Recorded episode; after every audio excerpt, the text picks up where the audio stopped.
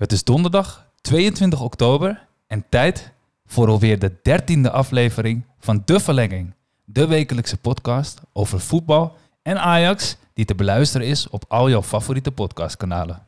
Dit is een feest. Dit is een echte feest. Verlengingen in de halve finales van dit WK voetbal.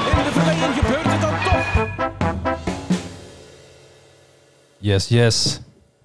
Ook deze week eh, zijn we er weer helemaal bij. Van harte welkom allemaal, beste luisteraars. Bedankt dat jullie er ook deze week weer zijn.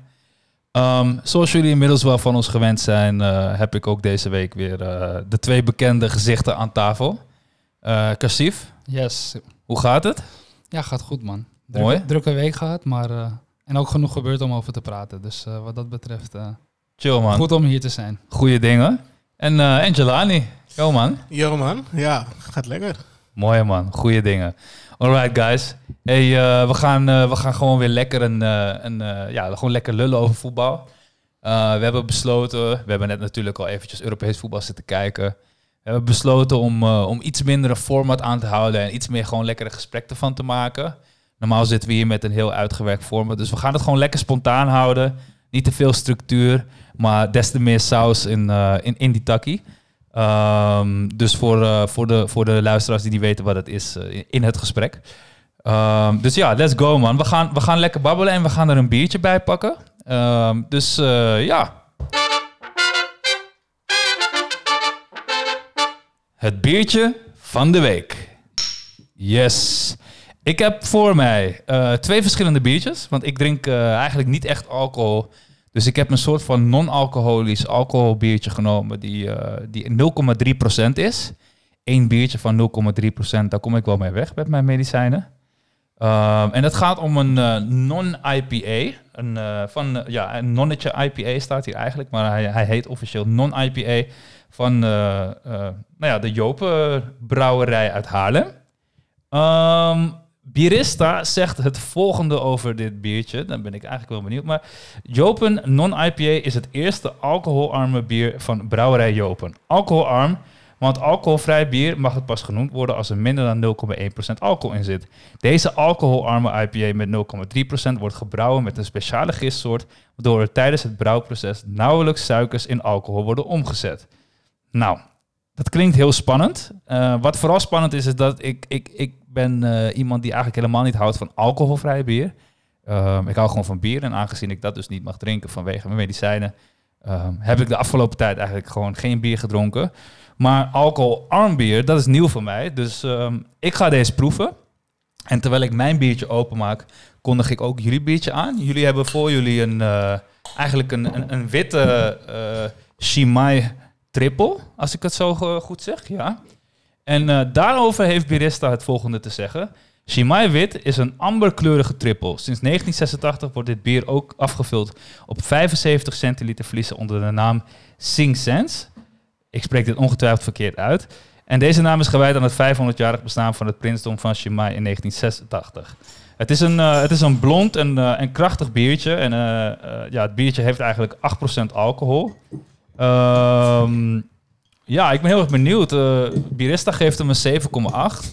En ik heb wel eens de normale versie hiervan gedronken. Of tenminste het blauwe flesje. Dit is dus een wit flesje. En die was echt heel erg lekker. Dus ik ben benieuwd wat jullie, eh, wat jullie ervan vinden, jongens. Laten we proosten. Yes, proost. Cheers. Ik drink mijn eh 0,3% non-IPA. Oh, het smaakt best lekker eigenlijk. Dit is Ja. 8, 8%, toch? Is dat zo? Volgens mij wel. Ik, eh, ik Ja. proef het ook wel meteen, moet Ja? ik zeggen. Ik vind hem wel lekker zoet. Hij gaat wel lekker eh, doorheen. Die van jullie is dus wel een eh, sterke, sterke jongen. Zo, ik ga wankelen naar de bus eh, straks, jongens. Oké, oké. Jelani is ook wat meer Jelani ervaren... kijkt vrolijk. Die, hij is eh, ook wat meer ik, een eh, ervaren drinker eh, van ons twee, denk ik, toch? Nee, nee, nee. Ik, ik drink wel denk ik wel wat sterker. Maar ik denk niet dat ik meer ervaren ben. Want eh, je, ja. Ik stond achter de bar en jij, Ja, zat, daarom. jij zat aan de bar. Oké, Dus ja, oké. Hey, ehm, wezen. nou, jullie hebben een slokje genomen. Jij vindt hem zwaar. Jij vindt hem eigenlijk wel lekker. Eh, als jullie het een cijfer moeten geven. Ehm, ik ga voor eh 6,5. 6,5. Oké, prima voldoende. Ik, eh, ik geef hem een 6. een 6. Ja, ik vind hem echt best wel bitter. En eh, ja, zoals jullie misschien aan me kunnen zien, ben ik een beetje van mijn apropos. eigenlijk. ik vind hem best wel intens. Dus eh, ja, ik, eh, twee van deze en je hebt een goede avond, denk ik. Terwijl die toch, het, het heet een, ja, het is dan een blond biertje, maar hij heet Shimai Wit. Ehm, dus dat impliceert, mij in ieder geval, dat het, dat het toch eigenlijk wel gewoon een, een biertje is wat je lekker weg kan drinken. Maar dat valt dus een beetje tegen. Bij mij wel, bij mij wel. Oké. Ja. Alright, nou ja, ik heb hier een, eh, een non-IPA dus. En eh, ik vind hem heel lekker smaken. Eh, ik onthoud me even van een beoordeling, puur om het eenvoudige gegeven dat ik nog nooit eerder een alcoholarm biertje, dus een biertje van 0,3% heb gedronken. Dus ik kan het helemaal niet in perspectief plaatsen. Maar de Shimai Wit krijgt van Chief een, een 6 en van Jelani een 6,5. Is het tijd voor een rondje langs de velden, boys? Wat, wat hebben jullie zo al eh, gekeken? Ik begin met jou, Jelani. Als ik, aan, als ik aan, aan de afgelopen week denk. Wat, Ja, ik vind het wel leuk dat eh, Europa is weer gestart. Dus eh, ik ga wel echt beginnen met eh, de Champions League. Ja, de Champions League nice. Nice. is voor mij het dingetje van de week voor mij. En wat heb je, wat heb je, wat heb je gezien? En wat, wat, vond je, wat vond je opvallend? Of welke doelpunten vond je mooi? Wat is er voorbij gekomen? Ehm, nou ja, ik heb niet alle wedstrijden gezien. Ehm, die moet ik ook echt in mijn diep in mijn geheugen graven van wat ik dinsdag eigenlijk heb gekeken. Ja, PSG tegen Manchester. Ja, eh, was een mooie wedstrijd hoor. Ja, de, En eh, Chelsea-Sevilla, als ik het goed heb, was ook op dinsdag. Ja, ik heb, eh, ik heb het Switch-kanaal gevolgd eh, van Ziggo. Dat vind ik op avonden dat Ajax zeg maar niet speelt, vind ik het best wel relaxed eigenlijk. Helemaal in de groepsfase. Zie je gewoon best wel veel actie de hele tijd. Maar ehm, ja, toen ben ik op een gegeven moment geswitcht naar eh, Paris tegen United. En ja, toch wel verrassend eigenlijk vond ik, eh, vond ik die overwinning. Ja. En eh, ja, hoe Rashford hem nog eh, erin schiet, ja, ja toch mooi best wel klasse hoor. Dus eh, ik vond het best wel een toffe game. En ehm, ja, Paris, ja, ik heb er gewoon niet zoveel mee, dat weten jullie. Eh, ik vind Mbappé trouwens, ehm, die gaat de gouden bal winnen. Binnen nu en eh, twee jaar, denk ik. Ja, hele Als het, niet, als het niet dit jaar is, dan is het volgend jaar, denk ik. Hij is echt ongelooflijk goed. En nu Messi en Ronaldo een beetje aan het afzwakken zijn, dat kunnen we wel zeggen, denk ik. Ja, Gaat Mbappé het wel echt overnemen. En eh, de geruchten zijn hardnekkig dat hij zijn contract niet wil verlengen. heeft hij wil naar Real, hè? Tweejarig contract Ja. inderdaad. En eh, hij wil hem niet verlengen. ja. En eh, je ziet dat eh, Real Madrid verliest eh, van Shakhtar. Verliest ook in de competitie. Dus die kunnen wel een kwaliteitsimpuls gebruiken. En eh, Real wil altijd de grootste club zijn als het gaat om transfers, toch? Die willen altijd het meeste uitgeven in principe. Ja, Dat zag je met Bill en Ronaldo zo. Dus ik zie ze wel eh, ja, 150 miljoen eh bewijzen van nog van Mbappé betalen volgend jaar. nou de grap is, ze hebben nu niks uitgegeven.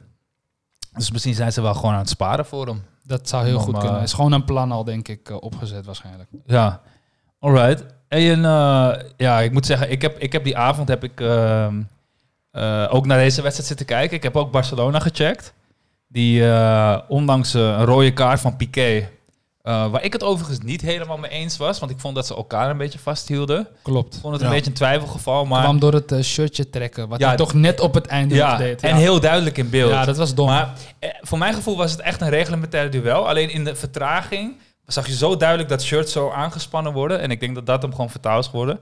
Maar Barcelona deed het aardig. Ik vond, eh, ik vond het ook weer niet dat, dat we weggeblazen werden. Maar eh, ik zag een leuk balletje van Frenkie de Jong. Eh Dembele had wat flitsjes. Ehm, dus dat vond ik ook wel leuk om te zien. En die 5-1 overwinning en opbouw naar, naar de, de Classico. Ehm, ja, vond ik wel nice. Ik ben benieuwd hè, trouwens, want ik ben een Barcelona-fan. Als het op die twee aankomt. Voor, wie ben jij eigenlijk? 100% Barcelona, al mijn hele Oké. leven. Ja. Jij ook? Ik heb eh, geen... eh, nee, bij mij, bij mij maakt er niks uit. Ben je voor jou is er maar één club? Ja, Ajax. Ja, nou, ja nee, nou. echt. eh, Nee, mij maakt niks uit. Ik heb niet echt eh, een voorkeur voor hun. Maar eh, ik moet wel zeggen dat ik Ansu Fati wel echt... eh, Ja, die doet het goed, hè? Hoe die zo speelt. koelbloedig blijft. En, en Ja. gewoon, want die bal was echt niet makkelijk. En hij raakte hem ook wel verkeerd voor mijn gevoel. Ja, dat dacht maar hij scoort die ballen gewoon. En hij is eh, 17, geloof ik. En een dribbelaartje, is jongen. absurd, absurd. Ja. En Dembele Is is terug aan het komen trouwens, Ja, denk ja. ik hoor. Ik hij, zie op hij filmpjes van de training wat ook. Ja. Ja, man, ik zie Ja, wel maar van het van... weekend vond ik hem wel slecht. Ja, iedereen was Volgens mij had hij heel veel balverlies de eerste helft. Eh, was, was niet eh, om te Het tellen. weekend was tegen Getafe, toch? Als ik het goed heb. Oh, ja. die ploeg, jongen. Ik wil hun nooit meer zien voetballen. het, is, het is echt een zuigploeg. En, en, en het is... Het eerste is dat die cultuur daar zo, eh, dat ze het allemaal maar mooi vinden. Uh, maar het is eigenlijk natuurlijk gewoon echt anti-voetbal. En je merkt ook dat um, elke wedstrijd weer zijn ze verbaasd en beledigd dat mensen zich irriteren aan het team. Um, Ja. terwijl je zou naar, volgens mij boeit het ze helemaal niks hoor, maar je zou toch na 4, 5, 6 wedstrijden ook een beetje moeten gaan inzien dat het aan jezelf ligt. Het is gewoon echt een kutploeg. Ik, uh, ik zou bijna denken, hey, als je Atletico Madrid bent en uh, Simeone gaat op een gegeven moment verder kijken, die zit er al heel lang. Als je hetzelfde voetbal wil blijven spelen, dan moet je die trainer van Getafe gewoon daar neerzetten. Dat zou een perfecte overgang Ja. voor hem zijn. Ja, inderdaad. Ja. Het is een beetje vechtvoetbal voor mij. Ja, niet een beetje hoor. Het is Nee. gewoon Ja. vechtvoetbal, man. Het Ja. is echt, eh, nee. Het doet me heel erg denken aan eh, Portugal-Nederland op het eh, WK in 2006. 2-0? Ja. Eh zou Ja. goed kunnen met al die rode kaarten. Dat Cocu ook rood kreeg. En 1-0 was het volgens mij. En toen schoot Cocu nog op de lat. Boularus kreeg ook rood, toch? Ja, volgens mij wel. Ja. Ja. Twee rode kaarten.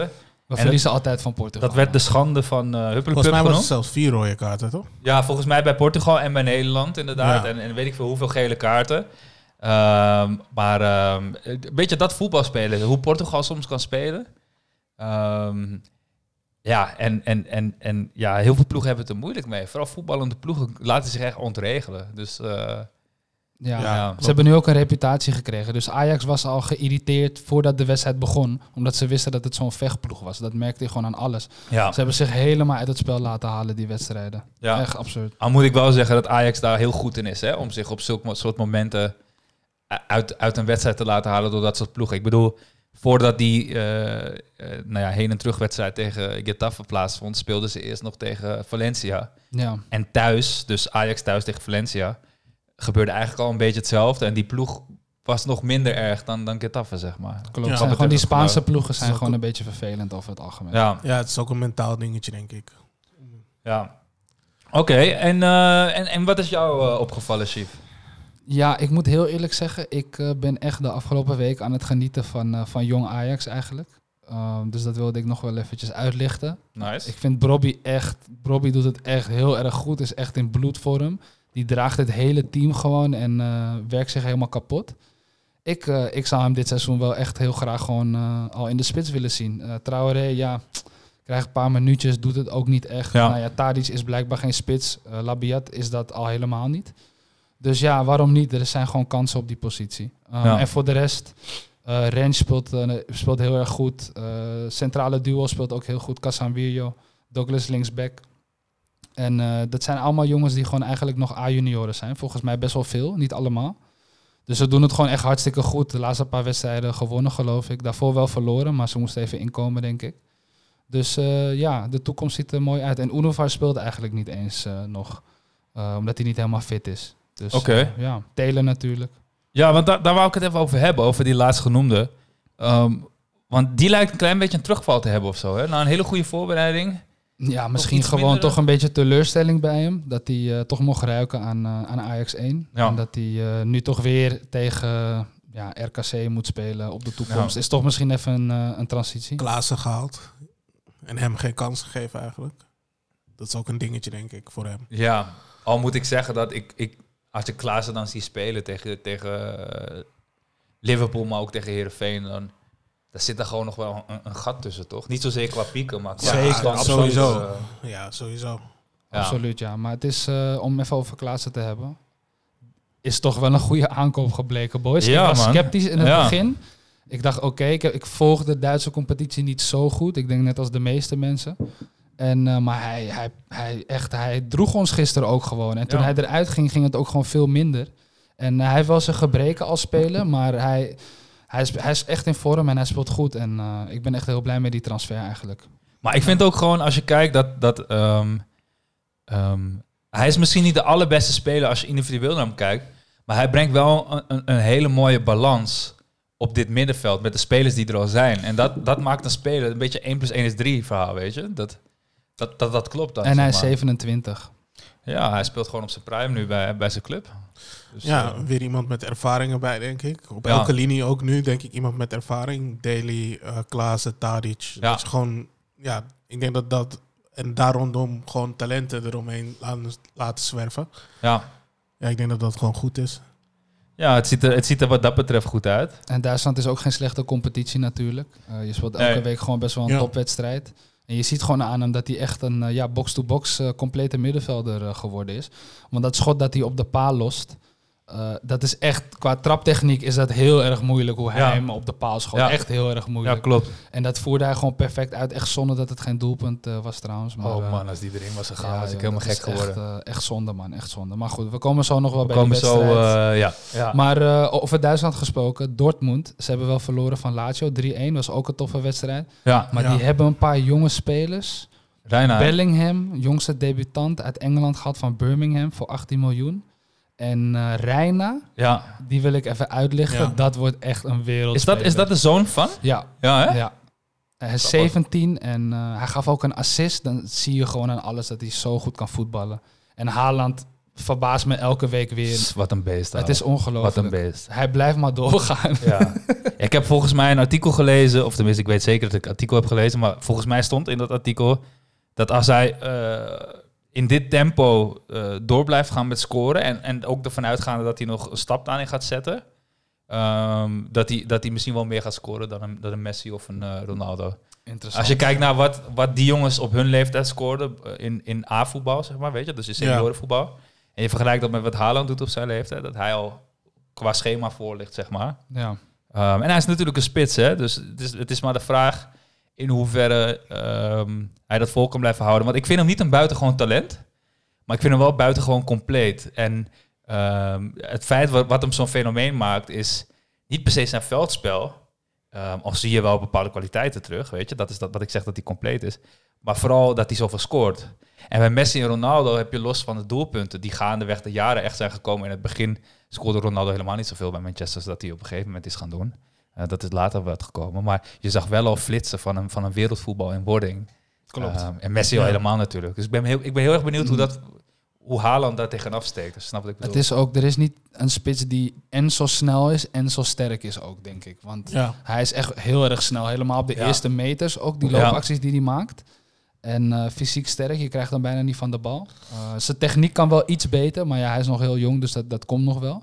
Maar eh, ja, heel interessant om hem te zien eh, ontwikkelen. Ja, ik vind dat hij een goed schot heeft ook. Zeker. Ja, zijn linker. Echt eh, gevaarlijk. Echt zo'n droge knal heeft hij in zijn Ja. in zijn benen. Geen effect, geen, geen gekkigheid, geen ventieltrap, whatever. gewoon good old fashioned beuken tegen die bal aan en gewoon rossen. Dus dat is wel, wel mooi om te zien. Ja, klopt man. Ehm, ja, waar zullen we het nu eens over hebben? Rondje van de velden. Wat is er nog meer gebeurd? Ik vond Inter AC wel, eh, wel een toffe game. Ook. Ja, zeker. Een hele Ja. toffe game. En eh, ja, Slatan is... eh, het is ongelooflijk, die man. Ja, man. 39 en gewoon Hij, scoren alsof het niks is. hij blijft gewoon de, de eigen hype zeg maar, bevestigen. Ja. Dat is echt insane. Dus eh, ja, ik weet niet man. Ik heb die wedstrijd zitten kijken. Eh, eerste helft vond ik AC Milan wel echt, een, echt een beetje een overwicht hebben. Eh, ik vond vooral de tweede goal van, ehm, moet ik het goed zeggen, van, ja, van Slatter natuurlijk, maar van Salemakers geloof ik, die de aanval opzette. En uiteindelijk een crossbal gaf op die linksbuiten. Eh, die gekleurde jongen, ik weet even niet meer wat zijn naam is. Behendige linksbuiten. Nou, die, die trekte hem voor en, en Slatter werkte hem heel mooi naar binnen. Was gewoon een hele mooie aanvaller. En, en ik vond, ik realiseerde me in die eerste helft dat eh, er gewoon heel veel leuke jonge spelers rondlopen bij AC Milan. Die eigenlijk, eh, nou ja, vo- vorig seizoen en dit seizoen een beetje eh, zich aan, aan het oppervlak begeven en zich laten zien. En ehm, eigenlijk is daar een hele andere koers gaan waaien. Want eerst was het heel erg een club die heel veel geld uitgaf. ehm, voor spelers die uiteindelijk niet, eh, ja, niet slaagden. Ik vind nog Eh, steeds dat ze best wel veel geld uitgeven. hoor. Ja, maar er zijn ook heel veel talenten gehaald die, die niet voor de absolute hoofdprijs zijn gehaald. En die wel strakjes voor de absolute hoofdprijs gaan, zeg maar. Dat, eh, Ja, dat ook. Ja, ze hebben, ja, ik hoop voor AC Milan, want het is toch wel een hele grote club, dat ze gewoon weer kunnen meedoen om, om het kampioenschap. Dat verdient die, eh, die club ook wel. Je Champions League. Ja. Het is echt raar om. Ze zijn al jaren al geen deel meer. Maken Ja. ze geen deel uit van, Klopt van de Champions ja. League. Ja. En dat is best wel eigenlijk heel raar. Want ja, het is wel Ja. AC Milan waar we het over hebben. Waar gewoon Cafu en Maldini. Een geweldig team hadden Ja. ze toen. Echt absurd. Ja, het was echt absurd. Ja, en de grap is dat eh, ook in de jaren dat het soms wat minder ging met AC, dat bedoel, dat was ook al in, in het begin van de jaren 2000 zo dat ze af en toe wat minder jaar hadden. Maar zelfs in een minder jaar was AC Milan altijd een van de topfavorieten voor de Champions League. Omdat ze net zoals het Italiaanse voetbalelftal nooit door een bepaalde ondergrens heen gingen, organisatorisch, waardoor ze altijd een moeilijke tegenstander waren. Ja. En dat is nu echt in de laatste afgelopen jaren is dat, is dat, ja, was dat echt niet het geval. En eh, zeker op nationaal niveau beginnen ze nu toch wel weer de weg omhoog Ja. te vinden. En eh, ja, dat is een goede zaak. Doet Klopt, mij man. goed in ieder geval. Oké. Ja, ik heb zelf ook nog, ehm, eh, moet ik het even goed zeggen, ehm, in, de, in de Eredivisie gekeken dit, dit afgelopen weekend. En ja, ik moet zeggen, ik was erg tevreden met het feit dat Feyenoord weer punten heeft laten liggen. Dat Ja. werd natuurlijk geschreven door veel media, eh, onder andere Pierre van Hooijdonk, die, eh, die had daar een mening over. Dat eh, Feyenoord verder zou zijn dan Ajax. Ehm, ik ben het daar absoluut niet mee eens. En ik moet je eerlijk zeggen, ik kan gewoon niet begrijpen dat er mensen zijn die daadwerkelijk geloven dat Feyenoord een titelkandidaat is ten opzichte van Ajax of PSV. Ehm, en ik vind, wat mij vooral opvalt, is dat mocht Ajax een keer een mindere dag hebben of een mindere week, dat dan heel veel media opeens Feyenoord of PSV omhoog gaan praten. Ehm, maar een week later, als bijvoorbeeld Feyenoord punten laat liggen, dan is het weer helemaal niks, zeg maar. Dus voor mijn gevoel is die benadering heel erg opportunistisch. En ehm, nou ja, ik, ik kan me daar soms een beetje aan irriteren. Als Maar ja, Ajax. dat is ook journalistiek, toch? Dat moeten Ja. ze ook doen. Ze moeten een beetje hypen. ehm, en, Ja. en krantjes verkopen of, of wat dan ook. Dus dat is, ja, dat, dat is een beetje normaal, denk ik. En eh, En ik denk dat de verwachting, ei- verwachtingseis eh, bij eh, Feyenoord ook veranderd is de afgelopen jaren. Ook al zijn ze kampioen geworden, dat ze de afgelopen jaren ook gewoon, ja, gewoon niet, eh, ja, niet meer meedoen. En dat dat ook gewoon de, ja, dat dat ook niet eh, wordt verwacht van hun eigenlijk. ja, het is ehm, gewoon gebrek aan, eh, aan geld. Ze hebben gewoon echt jarenlang echt slecht beleid gevoerd daar. Ze kunnen Ja. gewoon Ja. geen enkele speler halen. Feyenoord Watcher was, eh, ik weet niet van welke krant, ik weet ook even niet hoe die heet, maar was bij Voetbalpraat, geloof ik, bij Fox. Kwam er heel even voorbij. Is dat Toen Martijn uh, Krabbedam? Zou heel goed kunnen, inderdaad. Zou heel goed kunnen. En hij wel, gaf, ja. eh, hij gaf aan dat eh Kudus stond ook op hun lijstje onder Ja, andere klopt. om, om te halen. Ja. Maar ik vind het altijd weer zo makkelijk om, om dat weer te roepen. En Arnezen kent hem zogenaamd goed, want hij speelde in Denemarken. Maar ja, en door corona ineens dan eh, ging het van eh 8 miljoen budget voor een speler, ging het naar helemaal niks. Maar dat valt toch wel allemaal mee, joh. Ik bedoel, ja. Ja, ze zeggen wel eens achteraf is mooi wonen. Ehm, dus het is heel makkelijk zeggen dat je, dat je hem op de korrel had. Maar ja, als je, als je de centen niet hebt, ja, het was, eh, was Martijn Krabbe dan inderdaad. ja. ja, als je de centen niet hebt, dan, ehm, dan gaat het hem niet worden. En laten we wel zijn. Je kan nu met één simpel voorbeeld eh, een soort van beschuldiging van wanbeleid proberen te weerleggen. Maar feit is dat deze ene transfer die ze eh, van een speler die ze al op de korrel hadden, eh, dat praat dat helemaal niet goed. Er is gewoon jaren van wanbeleid geweest en ja, daar betaal je gewoon eh, de prijs voor. Of je, of Ik denk dat het kampioenschap ook gewoon een, eh, een incident was eigenlijk. tuurlijk. Maar het is ook gewoon, kijk, ze hadden dik advocaat. Het ging lekker aan het einde van vorig seizoen. Weet je, eh, ik hoorde Feyenoord supporters alweer roepen... ja, we waren kampioen geworden als de competitie verder was gegaan. Ja, Ja. weet je, als, als, als, weet je. Als Ja. je zusje een piemel had, dan als je broer. ja, ja, dat.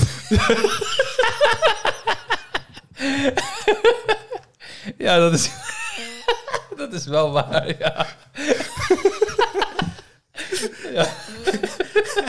Maar, maar goed, maar goed. Goed, ik probeer mezelf te herpakken, maar dat lukt niet zo goed.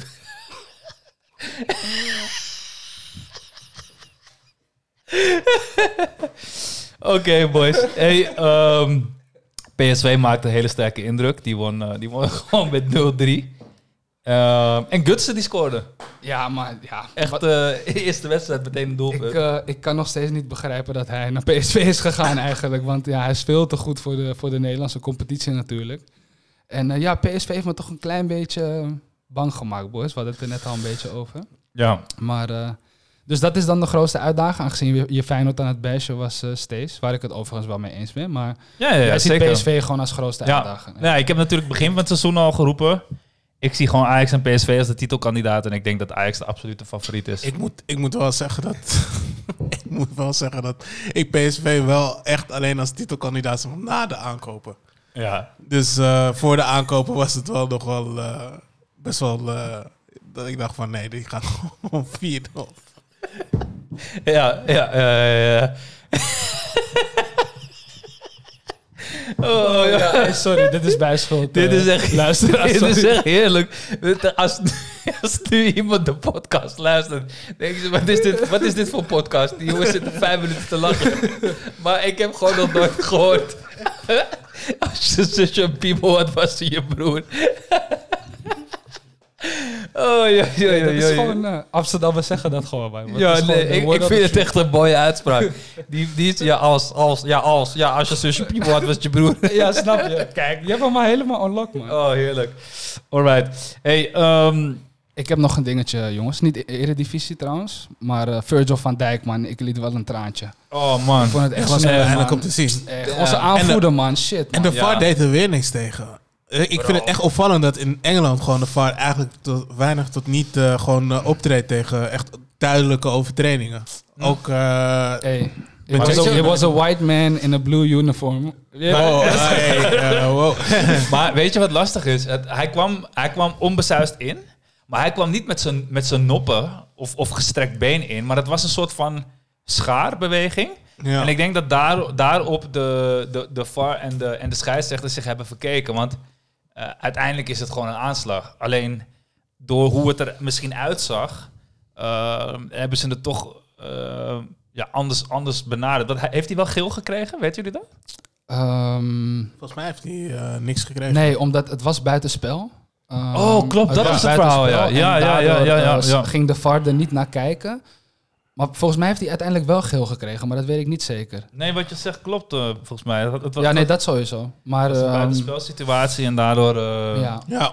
maar echt, ja, ik weet niet wat, wat hij wilde doen, zeg maar. Maar hij klemt hem ook, soort van. Ik, ik vond het echt een hele rare actie en eh, echt sneu, man. Echt sneu. ja. Nee, eh, geen gele kaart, jongens. Hij is er gewoon helemaal mee weggekomen. Ja, absurd, man. En eh, ja, nee, het is, het is echt... ehm, het is verschrikkelijk voor het Nederlands voetbal. Ehm, het is ook echt super vervelend voor Liverpool.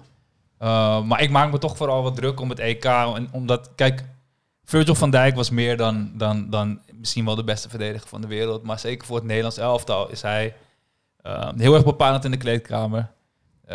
De aanvoerder, iemand die een bepaald soort uitstraling heeft. Ehm, en er stond met hem, ehm, met hem in het veld was überhaupt geen discussie wie, wie die eerste centrale middenvelder zou zijn. Dat was hij altijd. Of eh, sorry, eerste centrale verdediger. En nu ga je al met vraagtekens komen van oké, is het dan de licht en is het, ehm, wat zeg ik, is het de vrij? Ehm, of misschien denkt de boer daar ook wel weer anders over. Kortom, er gaat hoe dan ook wat geschoven moeten worden. Maar wie zouden jullie aanvoerder maken, bijvoorbeeld dan? Wie is de tweede aanvoerder? Is dat Wijnaldum of Depay? Nee, de, ja, sorry man. De Bij is voor mij absoluut geen aanvoerder. Ehm, Ik denk wel dat maar hij de tweede aanvoerder is. Toch? Ja, ik, ik, ik, ik- het zou me niks verbazen. Zeker met die, die hiërarchische benadering waar ik het vorige keer over heb gehad. Weet je, vanuit eh, hoe ze dit Nederlands elftal eigenlijk... ehm, Opgebouwd hebben. ja, precies. Ja. Ehm, zou ik het heel logisch vinden. Alleen ik vind hem, ik vind hem geen leuk persoon voor de camera. Alleen wat je natuurlijk wel vanuit objectiviteit moet zeggen is... zijn houding tegenover een interviewer is niet zijn belangrijkste taak als, als aanvoerder. Hij moet Nee. de rest van het team opzwepen. Ja. En ik krijg dat niet mee van een afstandje. Als hij daar heel goed in is, dat hij in staat is om zijn teamgenoten naar een hoger niveau te tillen. En eh, misschien wel op bepaalde momenten het team over een dood punt heen te helpen. Ja, dan, dan moet hij die guy Maar- zijn. Maar wie zou jij dan als aanvoerder... Ik neig toch naar Wijnaldum. Ik vind hem heel eh, wel overwogen en, en, en eh, rustig communiceren. Heel redelijk. Ehm, en daarnaast ook iemand met een, gewoon een goede mentale weerbaarheid. Ehm, en ehm, kijk, uiteindelijk is, is je rol op het veld is veel belangrijker. Hè? Dus nogmaals, als, als dat bij Depay dermate goed is dat, dat hij, hij die rol moet vervullen, dan zeg ik oké, cool. Maar ik vind communicatie in het veld, maar ook buiten het veld best wel belangrijk. Ook voor de uitstraling van het team. En daarna vind ik Wijnaldum echt een paar stukken beter dan... Uh, Matthijs de Ligt, man. Ja. Ik zou Matthijs gewoon aanvoeren. Zijn Matthijs? Man. Ja, man. Matthijs ja. is onze beste verdediger na Virgil. Hij was ook aanvoerder van Ajax. Hij leidt het team vanuit achteruit. Dat kan hij gewoon. Ja. Ik, ja, het is niet logisch natuurlijk, omdat hij jong is en je hebt Wijnaldum, Depay. Ik snap het wel, maar nee, Matthijs, nee. ik vind Matthijs, hij was echt een goede aanvoerder. Ja, en hij Ajax is gewoon basisspeler bij Juventus. Hè? Ja, Depay daarom. is met alle respect wel basisspeler, maar bij Lyon is toch een iets kleinere club. Uh, Wijnaldum is niet altijd basisspeler bij, bij Liverpool. Ehm, maar goed, is, heeft wel gewoon de Champions League gewonnen. Dus is, heeft wel echt ook status van een, van een topspeler, een wereldvoetballer. Uh, maar de Ligt heeft dat natuurlijk ook. Dus op zich, eh, voetballend en qua statuur heeft hij wel al een bepaalde uitstraling. Ja. Ondanks zijn jonge leeftijd kan dat dan dus eh, wel meehelpen. Maar goed, ik weet niet hoe die, hoe, die, hoe die kleedkamerverhoudingen zijn. En ik heb het gevoel dat dat bij het Nederlands elftal heel erg de sleutel tot succes is geweest. Dat er een bepaalde eensgezindheid was. En, en ik hoop als er Matthijs de Ligt dan aanvoerder wordt, dat die ook intact blijft. En ik weet niet of dat zo is. Dus, eh, Ja, ik ben benieuwd. We zullen het zien. ja, alright. Hey, ehm, nou, laten we gewoon lekker naar Ajax gaan. Ik zie een half uur hier op de klok. Ja, we hebben er vijf prima. minuten van weggelachen. Maar ehm, we gaan het hebben over, eh, over, over Ajax. Ehm, allereerst hebben ze, hebben ze 5-1 gespeeld tegen Heerenveen. Ehm was een uiterst vermakelijk potje om te kijken, als ik dat zo mag zeggen. Ehm, waarin... ehm, ik Met veel andere spelers ook. Wat ik ook wel eh, leuk vond. Ja, want dat was voor het eerst dat Ten Hag eigenlijk eh, iets deed met de kritiek die, eh, die je zoveel hoorde de laatste tijd. Ehm, en eh Alvarez speelde niet. Ik vond het heerlijk. Ik keek naar de opstelling. Geen Labiat, geen Alvarez. Ik dacht, oké, dit wordt eh, een goede uitslag. Ja, en eh, misschien nog wel belangrijker dan het feit dat Alvarez eh, er niet was, ehm, is dat Kudus er wel was. Die speelde weer een uitstekende wedstrijd, denk ik. Ja, ja. Ja. ik ben Echt, al eh, verdrietig nu je dit Ja. inzet, zeg maar. Ja, nee, sorry. Ja, we gaan het daar ook zo over hebben. Ehm, maar hij deed het gewoon hartstikke goed. En eh, nou ja, Ajax speelde 5-1. Eh Tadic die maakte 1-0 op aangeven van Kudus. Vervolgens maakte hij ook de 2-0. Eh, toen scoorde Kudus weer op aangeven van Gravenberg. Ehm, Henk Veerman maakte de 3-1 van eh, na, na een counter. En eh Deli Klaassen die, nam, ja, nam ook nog een penalty. Dus die maakte ook nog een, uh, pikte zijn doelpuntje Ja, mee. mooi, mooi voor hem. Ja, zeker weten. En, en Anthony ook weer echt flitsend. Weer een assist van Kudus. Ehm, ook een prachtig aanvalletje. En ik vond, ik vond het leuk om te zien dat het middenveld lekker draaide. Ik had echt... echt ik, kijk, het was, het, de uitslag doet vermoeden dat Ajax echt eh, heel goed was. Dat vond ik wel meevallen. Ze waren gewoon sterk, maar niet heel goed. Exceptioneel goed. Maar het middenveld liep lekker. Het was dynamisch. En ik had niet het gevoel dat het voetbal stroperig was. Ja. Ehm, dus dat was heel erg chill om te zien. En wat ik dan opmerkelijk vind, is dat dan in een interview na de wedstrijd, dat, dat, dan zegt een interviewer tegen Ten Hag van, hey, is de puzzel nu gemaakt? En dan, nou ja, da- daar wil ik nog niet aan. Weet je, dan dat hij weer zoiets heeft van, dat, dat hij weer heel erg zijn eigen beleid gaat beschermen. Ja, da- daar wil ik nog niet aan. Dat weet ik niet. Het is toch wel duidelijk dat Alvarez niet je basisspeler is. Dat moet je inmiddels toch wel inzien. Ja, ik, eh, ik, ik stoor me sowieso heel erg aan Ten Hag. Dus eh, wat dat betreft kunnen we daar nog een half uur over praten, denk ik. Want ik heb genoeg stof. Ja. Ehm, ik begin echt... eh, ik ben een beetje, beetje niet klaar met hem, maar... Ik word wel een beetje moe van hem de laatste tijd. En eh, hoe hij bepaalde dingen wil forceren. En, en ook als ik hem in de media hoor praten over bepaalde zaken, dan... Ja, ik vind het gewoon jammer. Ik vind het gewoon jammer. Ja. Nou ja, kijk, het is vooral natuurlijk zo dat... ehm, vooral als je het ook niet eens bent met, met, met hè, bepaalde beslissingen die hij neemt... Dan, eh, ja, dan ga je je daar aan irriteren. Dat, zo ervaar ik het tenminste. Maar ik denk dat het ook een, een vorm van bescherming is naar Alvarez toe, bijvoorbeeld. Eh, door te zeggen van, door een politiek correct antwoord te geven. Ja. Dat het, want anders, als hij daarmee akkoord gaat, dan gaat hij ook mee akkoord dat het eigenlijk gewoon een miskoop is. Ja, maar het is ook, hij is zogenaamd gehaald als verdediger. En eh, hij speelt bij Mexico wel op het middenveld. Dus hij vindt, eh, Ten Hag vond dat hij ook bij Ajax op het middenveld moest. Maar dat is gewoon compleet gefaald. Dus dat is wel Ten Hag zijn, ehm, zijn aandeel, vind ik. Net als hoe Peter Bos eigenlijk Deli Sinkgraven zijn carrière naar de Galamies heeft geholpen. Ja. Ik, ik ga niet Ja. zeggen dat hij helemaal gefaald is op het middenveld. Maar eh, ik, vond hem, ik vond Alvarez ook wel goede wedstrijden hebben, eh, eh, dat hij goede wedstrijden heeft ja, gespeeld. daar ben ik het mee eens. Ja. Ehm, alleen Omdat hij hij, is niet... omdat hij scoorde? Nee, Nee, nee, nee, nee, maar gewoon niet. gewoon, gewoon ook doordekken. En dat- Ja. vind ik wel echt, dat hij wel echt goede wedstrijden heeft ge- gespeeld. Maar Ja. ik ga... ehm, nou ja, nu ben ik even kwijt wat ik wil zeggen. Maar, maar voetballend, als, ik vul je gewoon even aan, maar voetballend vond ik het echt niet altijd heel slecht. Hij vertraagde het spel soms, maar soms was het ook prima. ja. En zijn restverdediging vind ik vaak goed. Ehm, dus dus eh, bij tijd en wijle heeft hij het Ik- aardig gedaan, maar... Ik, ik vind dat hij het wel goed heeft gedaan, maar ik denk dat hij gewoon niet de middenvelder voor Ajax is. En dat Nee, is het dan ja. voornamelijk. Ik- er, ik- wordt meer, er wordt meer verwacht van een Ajax middenvelder dan, dan dat hij is eigenlijk. Sowieso. ja. En ehm, dat, dat is denk ik het probleem eh, bij Ajax. Ik denk dat hij bij een, weet ik veel, een Watford of zo, gewoon heerlijk zou spelen of zo. Maar eh, ik denk dat hij gewoon bij Ajax wordt er gewoon meer, meer van je verwacht. De verwachtingseis is gewoon groter. Je moet mee kunnen voetballen, je moet eh, de linies kunnen dekken. Dus ja, er wordt veel van je verwacht. Ja, je moet gewoon ook van je eigen kracht uitgaan en ook gewoon voetballers daar neerzetten. Die, Ja. die het Ja. spel gewoon verdelen. Want op een gegeven moment had je Alvarez en Promes op het middenveld. Die kunnen allebei niet opbouwen. Dus wat, wat heb je daaraan? Je hele middenveld moet je overslaan. Ja, dat gaat gewoon niet werken. Nee, nee, helemaal niet als je ook nog zoekende bent naar een goede spits. Ja. Dan, Ja. eh, dan is het overslaan van je middenveld überhaupt al niet echt een optie. Maar ik, ja, als we het nog even over die spitspositie moeten hebben. Want dat werd gisteren gewoon wel pijnlijk duidelijk. Hoe kan het dat we niet gewoon een goede spits hebben? Dat begrijp ik niet. Je bent, de hele, je bent al maandenlang in voorbereiding. Door corona is de helft van de competitie eh, afgelast.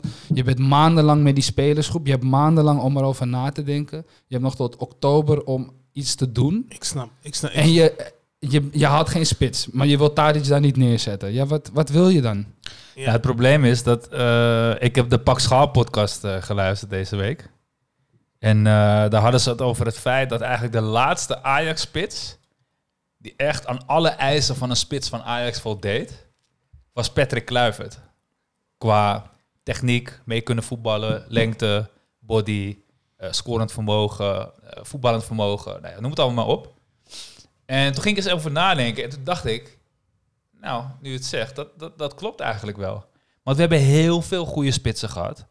Alleen op elke spits was wel iets aan te merken waardoor hij niet echt een Ajax-spits was. Ik vond Huntelaar wel echt een Ajax-spits in zijn in zijn toptijd. eerste, eh, eerste Ja, vond- ik Huntelaar vond- was ik echt... Pantelic in zijn jaar ook wel goed. Klopt, hoor, klopt, zeker. Eigenlijk. Alleen ik maar vind het jammer dat het maar bij één jaar bleef. Maar ja. maar Nee, toen speelden ja. ze 4-4-2 dat jaar, hè, met Pantelic en Suarez. Martin Jol speelde 4-4-2 dat seizoen. Ja, wel mooi Ja, voetbal. klopt. Ondanks wel, wel echt een mooie wedstrijden gehad, inderdaad. Net Twee- geen kampioen geworden weer. Tweede seizoen zelf 13 wedstrijden achter elkaar gewonnen of Ja, zo. klopt. Dat was echt... eh, Klopt inderdaad. De mooie Atuba en uh, Mido-tijd.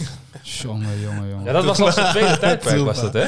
Ook- ik ben ze hem helemaal vergeten. Zo, Ja. jeetje, wat ben ik blij dat we die tijd achter ons hebben gelaten, zeg. Jeetje, Mina. Ja. Alright. Hey, eh, ja, Ajax speelde gisteren dus tegen Liverpool. Ehm, ja, ik vond het echt een, een, een hele rare wedstrijd. Enerzijds gebeurde er best wel veel. Anderzijds vond ik het echt een draag van een wedstrijd. Ehm, bij tijd en wijle had ik het idee dat ik naar Heracles tegen Ajax aan het kijken was. Maar dat was toch echt een Champions League pot met veel belangen. Ajax creëerde heel veel kansen. Liverpool creëerde naar mijn mening niet heel veel kansen, maar vooral mogelijkheden. En had echt wel, oefende wel echt veel druk uit op, eh, op, op Ajax eh, op bepaalde momenten. Maar ik miste wel echt de overtuiging bij Liverpool, die je normaal heel erg van ze gewend bent. Ehm, en Ajax leek gewoon simpelweg niet bij machten om, om, om een goede aanval uit te spelen. Dus om, aan de hand van een, ja, wat mij betreft, de eindpaas die ontbrak. Om eh, tot, tot echt 100% kansen te komen. Eh, er waren wel echt een aantal hele goede mogelijkheden of, of, kansen, zoals bijvoorbeeld Promes, die eh, op aangeven van Neres die bal ja, eigenlijk redelijk recht op de keeper afschiet. Klaassen van buiten de 16. Uh, met een wippertje over de keeper die van de lijn wordt gehaald. Maar net niet echt die echte 100% kansen. Dus, ja, ik, ik, ik, had, ik had heel erg gemengd gevoel naar de wedstrijd. Hoe, hoe is dat voor jullie? Uh, hoe is het voor jou, Jalani?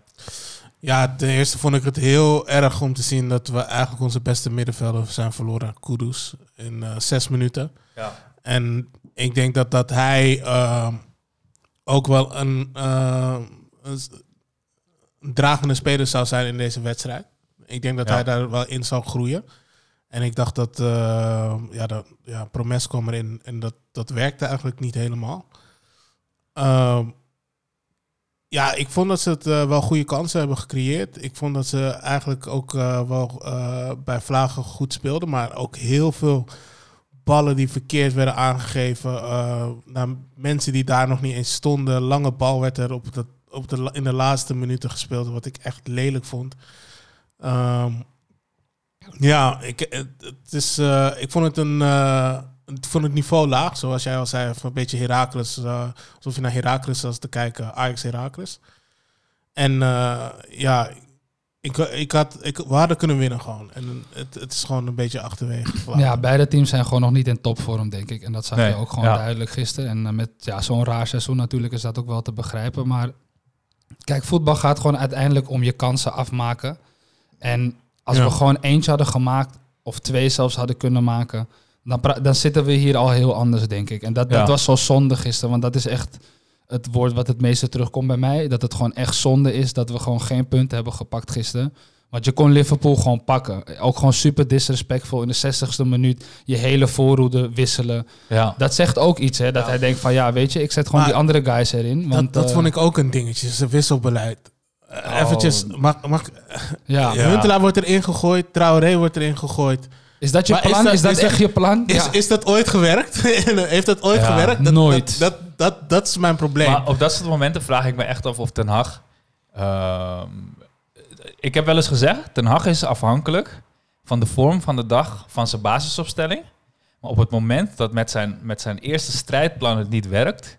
dan is hij niet capabel om een, om een wedstrijd om te draaien. Hij heeft niet het vermogen om een, een trucje uit te voeren... waardoor de tweede helft het team anders gaat staan...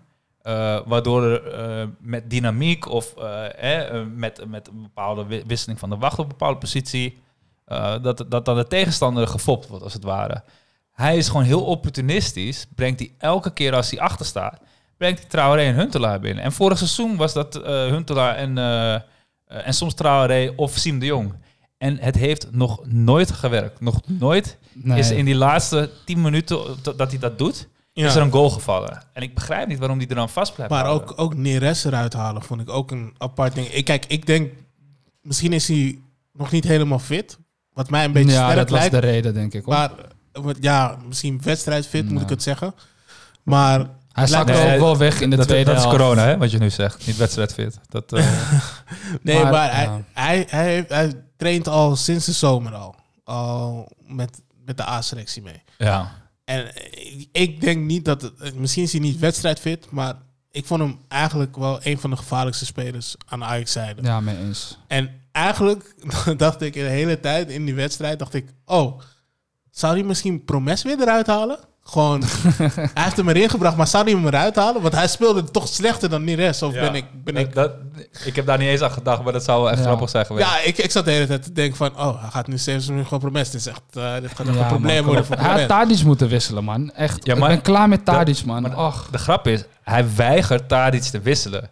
En dan komt hij achteraf met zo'n verhaal. Dat deed hij ook eh, tegen, te- tegen Groningen. Ja, nee, ik liet Tadic staan, want vanaf links kwam nog wel eens wat gevaar. Nee, we weten allemaal dat jij Tadic gewoon per definitie niet wisselt. Dat Ja. doe jij niet. En En hij heeft het toevallig tegen Heerenveen wel gedaan, omdat ze dan vijf in voor staan. En dan kan hij dat naar Tadic toe verantwoorden.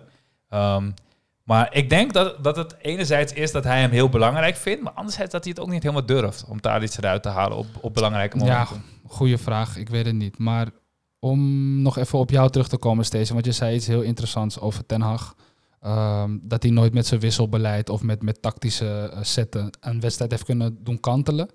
Ik denk dat hij dat ook weet. Ik denk dat hij dat ook voelt. En ik denk dat hij dat ook gehoord heeft van de buitenwacht. Eh, dat dat gewoon een, een, ja, nog gebrekkig is bij hem. Gebrekkig is bij hem. Ja. Ehm, en dat hij daardoor dingen aan het forceren is. Ook gewoon in het voorseizoen. Spelers op andere posities zetten. Labiat in de Ja. spits. Ehm, en dat merkte hij ook met die opstelling weer gisteren. Kijk, wat ik, wat ik gewoon jammer vond met die wissels ook, Jelani, is dat je gaat niet van je eigen kracht uit. Waarom is Ajax zo goed? Omdat we van onze, vanuit onze eigen kracht spelen. Gewoon Ja. combinatievoetbal, mooi voetbal willen spelen, naar voren toe, druk zetten. Dat is waarom we zo goed zijn en waarom we het ook goed doen in Europa. Denk je, wat denk je dat Fabinho dacht toen hij een 38-jarige eh Huntelaar zag en een 19-jarige eh, Traoré? Denk je dat ze toen bang werden? Ik nee, denk dat het denk niet. ik niet. Nee. Nee. En het heeft ook nooit gewerkt, wat jullie ook zeggen. Dus, dus waarom doe je het dan?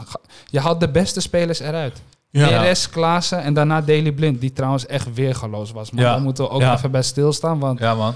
ik ben bang dat eh, hij hem op die positie gaat laten staan nu. Maar hij speelde echt als libero, hè? Hij was Want hij was goed. niet echt op het middenveld. Ehm, maar ook niet echt in de verdediging. Hij speelde echt letterlijk ertussen. Maar hij was wel, eh, wel een paar keer aanwezig daar zo in de verdediging. Ja, ja, ja. Dat ik echt dacht van... Oké, wow. Dat hij echt van box to box ging. En dat het hij Ja. ook een beetje bij het Nederlands elftal deed. Dat hij dat bij de laatste wedstrijd, dat hij gewoon echt aan de linkerkant gewoon de hele tijd aan het stropen was. En ja, ik vind hem, ja, ik vond hem echt heel Hij goed. gaat hem daar laten staan, denk ik. ik vond eigenlijk, om eerlijk te zijn, vond ik, vond ik ook knap dat Schuur zich gewoon staan heeft gehouden.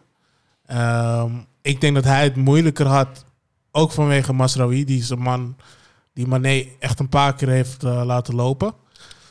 En eh, waardoor hij door moest dekken de hele tijd op eh, Mané.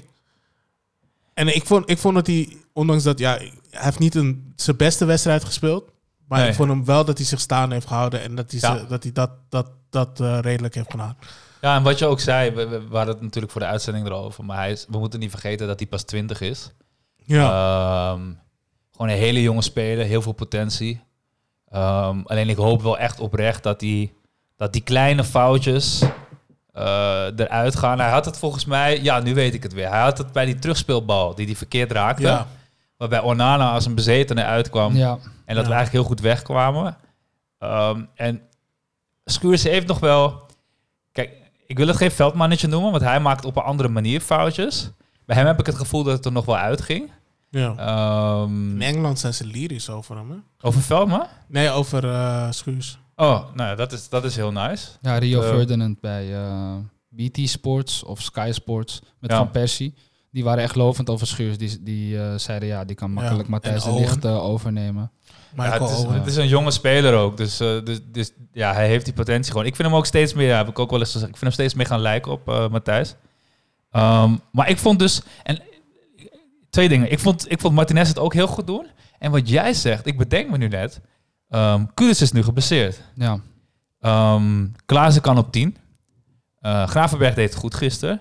Als je blind inderdaad naar voren schuift, creëer je plek voor Martinez. Die, die vond ik gisteren gewoon wel aantoonde dat het echt een goede speler is. En eigenlijk gewoon in de basis, als je hem kan invoegen, ehm, ja, dan zou je, zou je dat eigenlijk gewoon moeten doen. En Ja, dan neem je zeker. ook een probleem op je middenveld weg, omdat blind dan ehm, eh, met Kudus en Gravenberg kan gaan spelen. Eh, Kudus is geblesseerd. eh, sorry, eh eh, Klaassen. Klaassen met Gravenberg en Blind kan gaan spelen. Ehm, waarbij je ook nog eens die, ehm, die- ja, die ene linksbenige speler eh, voor een andere linksbenige speler vervangt. Waarschijnlijk wordt Blind daar wel de meest achtergeschoven pion die de opbouw gaat doen. Ja, sowieso. Ehm, maar je hebt wel ook die dynamiek van twee rechtsbenige spelers met een linksbenige speler. Misschien gaan ze met de punt naar achteren spelen.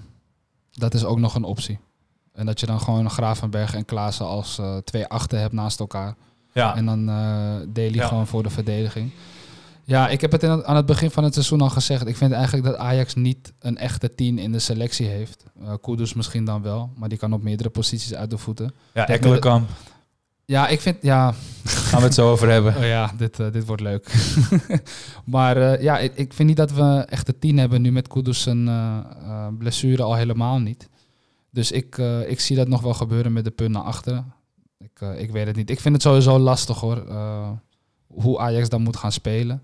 Ehm, ik hoop dat dit een variant was en dat we dit niet al te vaak gaan zien. Want ja, ik, ik, ik vond dat we te veel ontzag toonden voor, voor Liverpool. Met de opstelling sowieso, maar ook gewoon eh, tijdens de wedstrijd. Veel te veel ontzag en ik, weet, ik snap niet waarom. We hebben nog zeven spelers eh, die uit dat seizoen ehm, dat we de halve finale bereikten. Die zijn er nog. Zes of zeven geloof ik, uit mijn hoofd.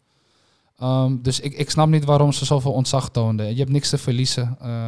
Ja. Speel tegen Liverpool. Ga gewoon, klap er gewoon op. Ga uit van je eigen krachten en speel gewoon die wedstrijd. Maar ik moet wel één ding zeggen ter verdediging van Ajax. Ehm, in zo'n wedstrijd als gisteren mis je het publiek echt. Als Ja, Ajax zeker. het Liverpool zo lang moeilijk had gemaakt als dat ze gisteren deden. Bal op de paal, eh, best wel veel kansen. En je weet hoe met Europese avonden het stadion van Ajax de keer kan gaan. Bij Klopt. elke kans is het oh! En, en die hele ja. golf van geluid door, het- door het stadion. Ehm, die had ze. Ik ben ervan overtuigd dat je met publiek wel die goal had gemaakt. Ja, Omdat je net die, die beleving. En, en, en, en dat mis je dan net misschien wat betreft dat erin klappen. Ehm, ja, dat je aangejaagd wordt door het publiek in, zo, in zo'n belangrijke wedstrijd. En, ehm, nou ja, goed. Dat, dat, dat- ik wilde dat even naar voren brengen. Als, Ja. eh, nee, maar dat is echt, dat is, dat is zeker zo, eh, Stacey, absoluut. En eh, dat was ook echt, ik vond het ook, ja, ik vond het een beetje een rare wedstrijd, dat zei je ook al aan het begin. Maar dat kwam ook echt doordat er, er was niemand in het stadion. Het is zo- zo'n raar, eh, Ja. raar om ernaar te kijken. En ehm, ja, er had gewoon echt wat meer in gezeten. Liverpool, eh, blessures natuurlijk. Speelde ook niet heel erg goed, vond ik. Al, al was Mané, eh, ja, liet iedereen eruit zien als, als F'jes. Dat was, is echt Ja. absurd hoeveel beter hij dan de rest was. Ja. Ik Ja. was echt blij toen, toen hij eruit ging. Ik, dacht echt, eh, ik was echt blij voor Masraoui ook. Want zo- hij had het zwaar, zeg. Jeetje, Mina. Ik was blij voor Masrowi. Ja, ik was echt blij voor Masraoui. En je zag ook dat toen Mané eruit was, dat hij gewoon alsnog elke bal verkeerd speelde. Want hij was helemaal kapot. Hij Ja. was helemaal kapot. Jammer man, ik miste Serginho eh, gisteren. Hoe vond, je, dus. hoe, hoe vond je dat het deed? Los van de eigen goal. Ehm, Maar daar kan, je- daar kan je hem toch niet aanrekenen, die eigen goal? ik vind het toch best wel nep. Maar goed, ja, het is eh here of the moment. Maar ik Hij, vond het best wel nep hoor, sorry. Ik vond het best wel Ja. nep. Het Maar was niet hij- nodig. Hij, kijk, het- hij maakt een rare beweging, maar hij krijgt die bal gewoon aangeschoten, toch? Ja, blijkbaar. Ja, ik zeg Het zag- niet het dat zag- het een grote fout is. Het is... Het zag, ja, het zag ik- er lomp uit. het zag er gewoon knullig uit, man. En ook gewoon dat zijn binnenkantje... Het kwam echt zo tegen zijn binnenkantje aan dat hij Ja. nog naar het doel ging. En het was echt zuur, man. Het was echt jammer. Ja. Maar Ik denk dat hij genoeg credits heeft opgebouwd dat we dit... eh, Nee, ik, vind ja. hem trouwens, eh Valentijn Driessen, eh, die ik trouwens echt, dat vind ik echt een flapdrol eerste klas. Maar met dit was ik het wel met hem eens.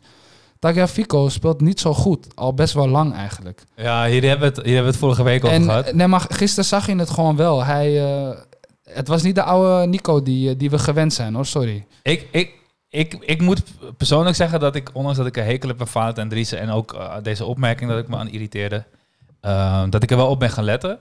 En het viel mij wel op inderdaad dat er af en toe wat mindere momenten tussen zitten. Maar ik vind hem nog steeds, ehm, ook in zijn opbouw, weet je, ehm, in het samenspel met het middenveld en met een Tadic bijvoorbeeld.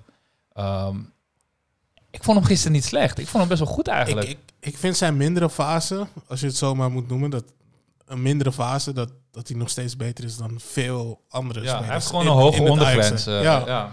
Dus ook al zou hij, ja, ik, ik vind niet dat hij op zijn best is, maar eh, ik vond hem ook niet slecht gisteren. En hij heeft een paar mooie voorzetjes gegeven. Vooral Tadic die die voorzet niet durfde te, te nemen of zo. Ik weet niet wat dat het probleem was. Bij, toen Huntelaar en Traoré erin waren. Oh ja, ja, Toen klopt zat, ja. eh, ja. had, gaf hij hem de hele tijd op uh, Tagliafico. En Tagliafico gooide hem de hele tijd naar binnen. Ja, ik vond hem eh, niet, niet slecht. Goede voorzet, maar eh goede voorzetjes. En eh, ja, Ik, ik wil iets anders aankaarten nu je het over voorzetten hebt. Ik vind dat Ajax heel weinig doet met de corners die ze krijgen. Valt jullie dat op toevallig? Ja, hij heeft ook met lengte te maken, denk ik. ja, ik denk het ook. ja, maar ja, vorig seizoen, uh, Tagliafico en Martinez, die pikten nog wel eens wat in. Maar dit seizoen is het uh, volgens mij nog geen één doelpunt aan de corner, toch? Ze hadden vandaag wel, ze hadden vorige, of, eh, gisteren hadden ze wel iets eh, ingestudeerd, toch? Die eerste corner. Ja, dat zou allemaal wel leuk zijn, maar er stond gewoon een nul aan het eind van de wedstrijd op het scorebord. Ja, Dus, dat, is, eh, dat is waar. Daar Ja. kan ik niks over zeggen. Ik weet dat die wedstrijd tegen Groningen bijvoorbeeld, hadden ze na, ik, volgens mij 20 minuten hadden ze al zes corners. En geen enkele corner ja, gebeurde wat Nee, mee. klopt. Klopt inderdaad. Dat, eh Alright, ik wil, ik wil eigenlijk door naar een andere speler waar ik ehm, eerst heel erg fan van was. En nu eigenlijk steeds meer een beetje eh, toch neigt naar, hmm, ik weet niet of jij het wel gaat worden. En dat is Traoré voor mij. Ik, ik, ja, ik heb het lang voor hem opgenomen, maar ik, ik trek misschien wel mijn handen ervan af, man, als ik eerlijk ben. Ik weet niet wat ik van hem moet vinden. Hoe, hoe kijken jullie naar, naar, naar hij, hem? Ja, kijk, ik, ik, ik, ik snap je wel. Maar hij is ook nog heel erg jong. En daarnaast, laat die jongen gewoon spelen, man. Hoezo Ja. zet je hem niet gewoon in de basis? Gewoon een paar wedstrijden achter elkaar. Je hebt geen Ja. spits. Zet hem geven. dan gewoon erin. Geef hem vertrouwen, man. Ja, daar ben ik echt met hij is zo'n jonge Ja. jongen. Hij eh, komt uit Burkina Faso. Hij speelt bij Ajax, weet je. is een grote club. Eh, er is druk op. Geef die jongen vertrouwen, man. Zeg, hey, Lassina, ga erin. Tegen VVV bijvoorbeeld. Zet hem gewoon erin. Laat Ja, hem volgens mij heeft hij ook een hele goede mentaliteit. Ja, Die indruk man. krijg ik van hem. Eh, Voetbal gaat om vertrouwen, man. En kijk naar Promes bijvoorbeeld. Die schiet vorig jaar schiet hij elke bal eh, links en rechts in de kruising. Ja. En nu gaat hij een bal afspelen terwijl hij op 10 meter van het doel staat. Ja. Promes van vorig jaar had die bal gewoon door het net heen gerost. Ja. En het was gewoon een doelpunt geweest. Dus vertrouwen is echt heel erg belangrijk, denk ik, met voetballers. En ehm, ja, ik vind dat Ten Hag te weinig vertrouwen geeft aan die, aan die boys, man. Ja. ja, dat ben ik wel met je eens. Maar ehm, ehm, ik, ik zie twee dingen los van elkaar. Eén, ja, je moet hem vertrouwen geven. En dan kan je hem pas echt goed beoordelen.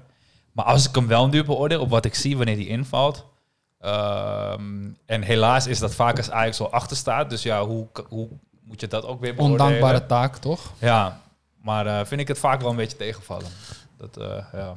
Ja, ik, eh, ik vind hem... eh, ja, ik vind hem de laatste tijd ook wel een beetje tegenvallen. Maar ook omdat hij gewoon niet zelf durft te schieten of zo. En eh, alles maar eh, als eh, ja, aanspelende spits speelt. ja, echt een aanspeelpunt die Ja. aflegt. eh, ja. En eh, ja, ik, ik vind hem wel... ik, zou het, ik zou het jammer vinden. Ik denk dat hij gewoon een tijdje verhuurd moet worden. Eigenlijk. Ja, wil ik net zeggen echt, inderdaad, ja. Gewoon eventjes naar een, een, een voetballende ploeg. Heerenveen of zo. Sparta wilde hem hebben, hè? Heel graag. Ja, en eh, ik denk dat hij dan eh, gewoon een beetje eh, een paar goals moet maken. En dan eh, moet hij weer terugkomen. En denk ik dat hij wel wat... eh, Ik denk dat hij, eh, dat hij misschien nog eh, over twee maanden, als de transferwindow weer open gaat, dat hij misschien verhuurd wordt en dat Bobby eh, in de pickorde gestegen is. Ik zie dat nog wel gebeuren. Maar daarover, eh, wat overigens niet heel gek zou zijn, maar Koeders is nu geblesseerd. En Ajax heeft veel spelers laten gaan. En ik weet nog dat we die oefenwedstrijden keken aan het begin van het seizoen. En dat onze conclusie was dat, dat, eh, dat de selectie echt heel breed is. Ehm, maar inmiddels weten we eigenlijk niet eens meer hoe, hoeveel buitenspelers we op kunnen stellen. Nee, klopt. Ehm, er is nu ook een middenvelder weggevallen. Ik vind de spoeling best dun worden. Ik maak me daar wel een beetje zorgen om. Ik eh, vind daarom ook de, de verkoop van eh, Noah Lang.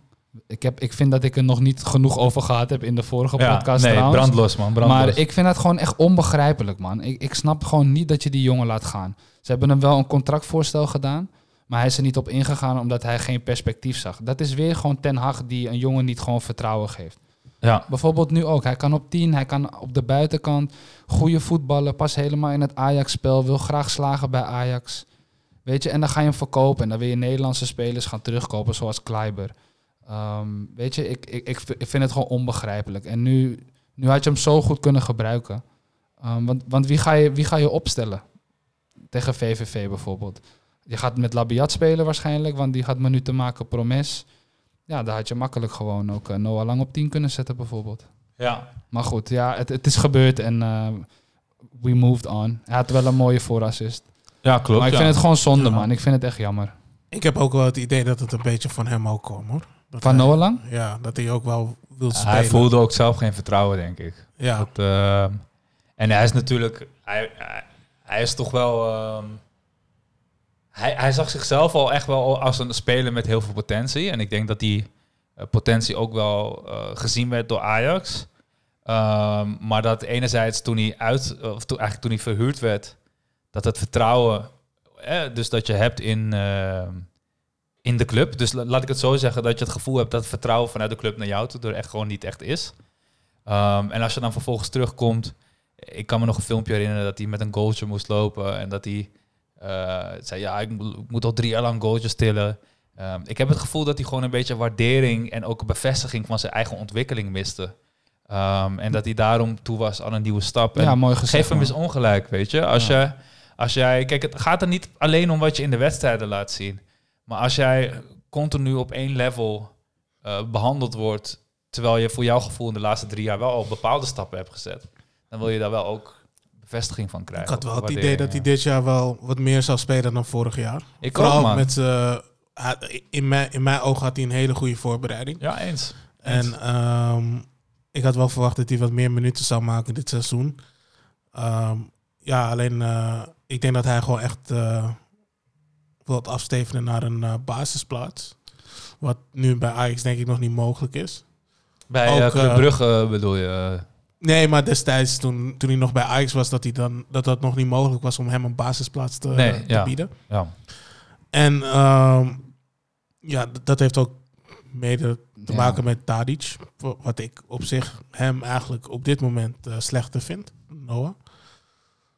Maar eh, ja, ik, eh, ik, ik denk dat we, we hem niet kunnen bieden wat hij wou. En dat hij daarom ook vertrokken is. Hij was denk ik gewoon derde linksbuiten, denk ik. Ik denk dat Ja. er nog twee mannen boven hem in de pickorde Ja. waren. Dan Tadic en Promes bijvoorbeeld. Neres kan ook daar spelen. Maar ik denk, ja, en we hebben natuurlijk Anthony. ik denk ook dat ze dit, dit, seizoen ook Die is wel het beste eh, vanaf rechts trouwens, man. Denk Ik, ik. Ja. ik, ik denk dat hij dit seizoen ook meer zou spelen, ook vanwege de programma van Ajax. Want eh, Daarom juist, toch? Ja. Dus had je hem toch juist moeten behouden eigenlijk. Ja, hij zou gewoon daarom. veel minuten maken. en nu is Bandé teruggehaald. Want ik Ja. totaal niet eigenlijk weet wat hij eh, Nee, heeft ik denk dat je dat, niet eens eh, daar rekening mee moet houden, man. Nee, dat heeft, dat heeft gewoon te maken met het feit dat... eh, Ja, kijk, je moet wel. het zo zien. Bandé is een speler, maar hij is ook een bezit. Hij, hij vertegenwoordigt, hij is kapitaal. En kapitaal staat op het veld. Van 9 miljoen, Eh, toch? Precies. En dat gaat al allemaal niet helemaal zoals je het zou willen hebben gehad. Eh, maar als hij dan ook nog eens verhuurd wordt aan een Zwitserse club en hij komt weinig aan spelen toe, ehm, dan heb jij als club zoiets van ja, haal maar terug. Want we hebben er niks aan als hij uitverhuurd wordt en vervolgens niet speelt. Ehm, dus ik denk dat het daarmee te maken heeft. En, oh. Ja, en, en nog even over Noah Lang, sorry. Maar eh, dat schiet me even te binnen. Je hebt natuurlijk coronatijd. En de FSC is over het algemeen best wel streng. Want Overmars wil echt wel uitgeven. Ja. Toen ook met Ziyech bijvoorbeeld, heeft hij dat toch nog voor elkaar gekregen. Omdat Ajax het niet goed deed in de eerste paar wedstrijden. Het kan zo zijn dat door corona de FSC bijvoorbeeld heeft gezegd... eh, je mag Klaassen halen eh, als je nog een speler verkoopt voor eh 5 à 10 Ja. miljoen. Bijvoorbeeld, ik zeg maar wat hoor. En dat dat gewoon een voorwaarde was om nog Ja. een grote speler te mogen halen met ook flink salaris. Want ik denk niet, ik weet niet hoeveel hij verdient, Davy Klaassen, maar Nou, dat zal wel een miljoentje of drie eh, zijn. ja, dat denk ik ook wel, weet Minimaal. je. Dus dat, dat, ja, Ja. dat is nogal wat. Ehm, Ja. Dus wellicht was dat een voorwaarde, hè? dat weten we niet. Eh Ten Hag zei bij Rondo destijds dat hij bereid was om nog één speler te laten gaan. Eh, en dat was in dat geval Noah Lang waar hij het over had. Maar eh, nee, ik hoop dat Noah het goed doet, man. Ik vind het een eh, leuk ventje. Ik weet dat hij veel kritiek heeft gekregen. Ik weet dat jij hem ook niet zo tof vindt. Maar ik, ik, ik zie gewoon een beetje in hem dat hij gewoon volgens mij niet een heel makkelijk leven heeft gehad. Ook zijn jeugd, Nee. volgens mij. Ja, En ehm, ja, hij moest gewoon een beetje wat volwassener worden, wat ouder worden. En ja, ik gun het hem wel. Maar hij heeft wel een gunfactor voor mij. Voor veel mensen niet, maar voor mij wel. En ik vind het een mooie voetballer. Dus eh, ik hoop voor hem en, eh, ja, dat hij het gewoon goed doet. En dat we hem nog Ja. ergens in de Premier League of eh, La Liga op een gegeven moment nog terug gaan zien. Ehm, dus ja. Ja, ik hoop het ook, man. En ik zal heel eerlijk zeggen, ik trek het boetekleed wel aan. Ik, ik, ik heb gewoon met spelers die een beetje ongelijke houding hebben in interviews. Ehm, en ook wel een beetje, een beetje straat zijn, als ik het zo mag zeggen. Ehm, nou ja, Noah Lang in dit geval, maar dat van ongelijkte zie ik ook altijd heel erg bij, eh bij Depay. Ehm daar, daar kan ik zelf moeilijk mee omgaan als voetballiefhebber. Dan kijk ik naar zo'n interview en, en dan ja, dan irriteer ik me een beetje aan zo'n speler. Maar feit is, het zijn voetballers.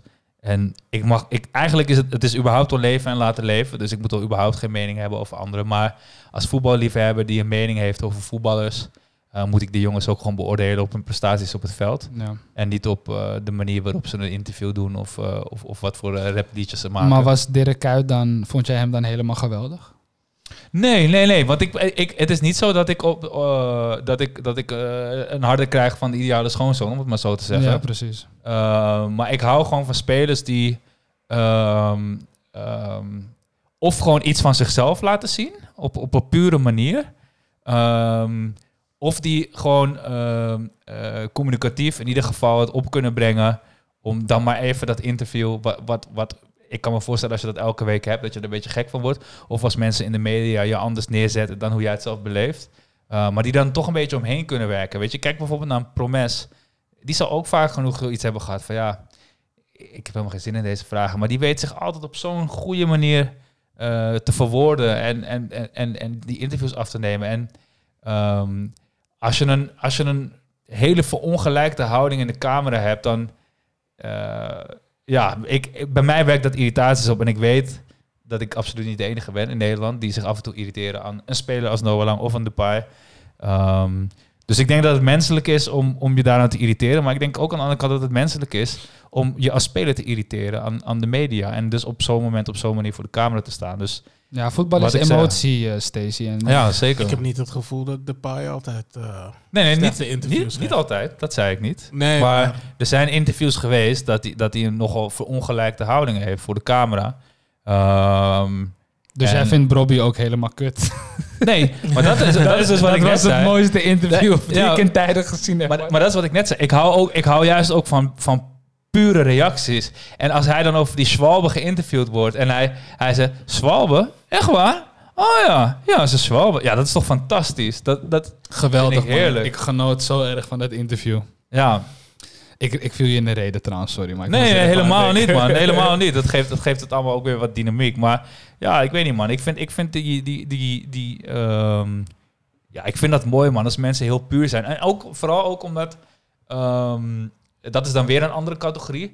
Je hebt nu zoveel mediatraining dat je altijd die standaard zinnetjes. Ja, het was gewoon een moeilijke wedstrijd. Maar eh, ja, we hebben toch nog een punt eraan overgehouden. Nu moeten we ons weer richten op volgende week. Belangrijke wedstrijd. We hopen de drie punten mee naar huis te nemen. Ja, grap, dat, dat optelsommetje kunnen we allemaal wel thuis maken. Ja, dat is inderdaad Maar ik ben vooral gewoon benieuwd naar wat jij als persoon van deze situatie vindt. Ik wil dat gewoon iemand een keer zegt dat hij het hartstikke kut vindt. En dat hij die scheidsrechter vervelend vindt. Of dat hij, dat hij die ene speler van de tegenpartij...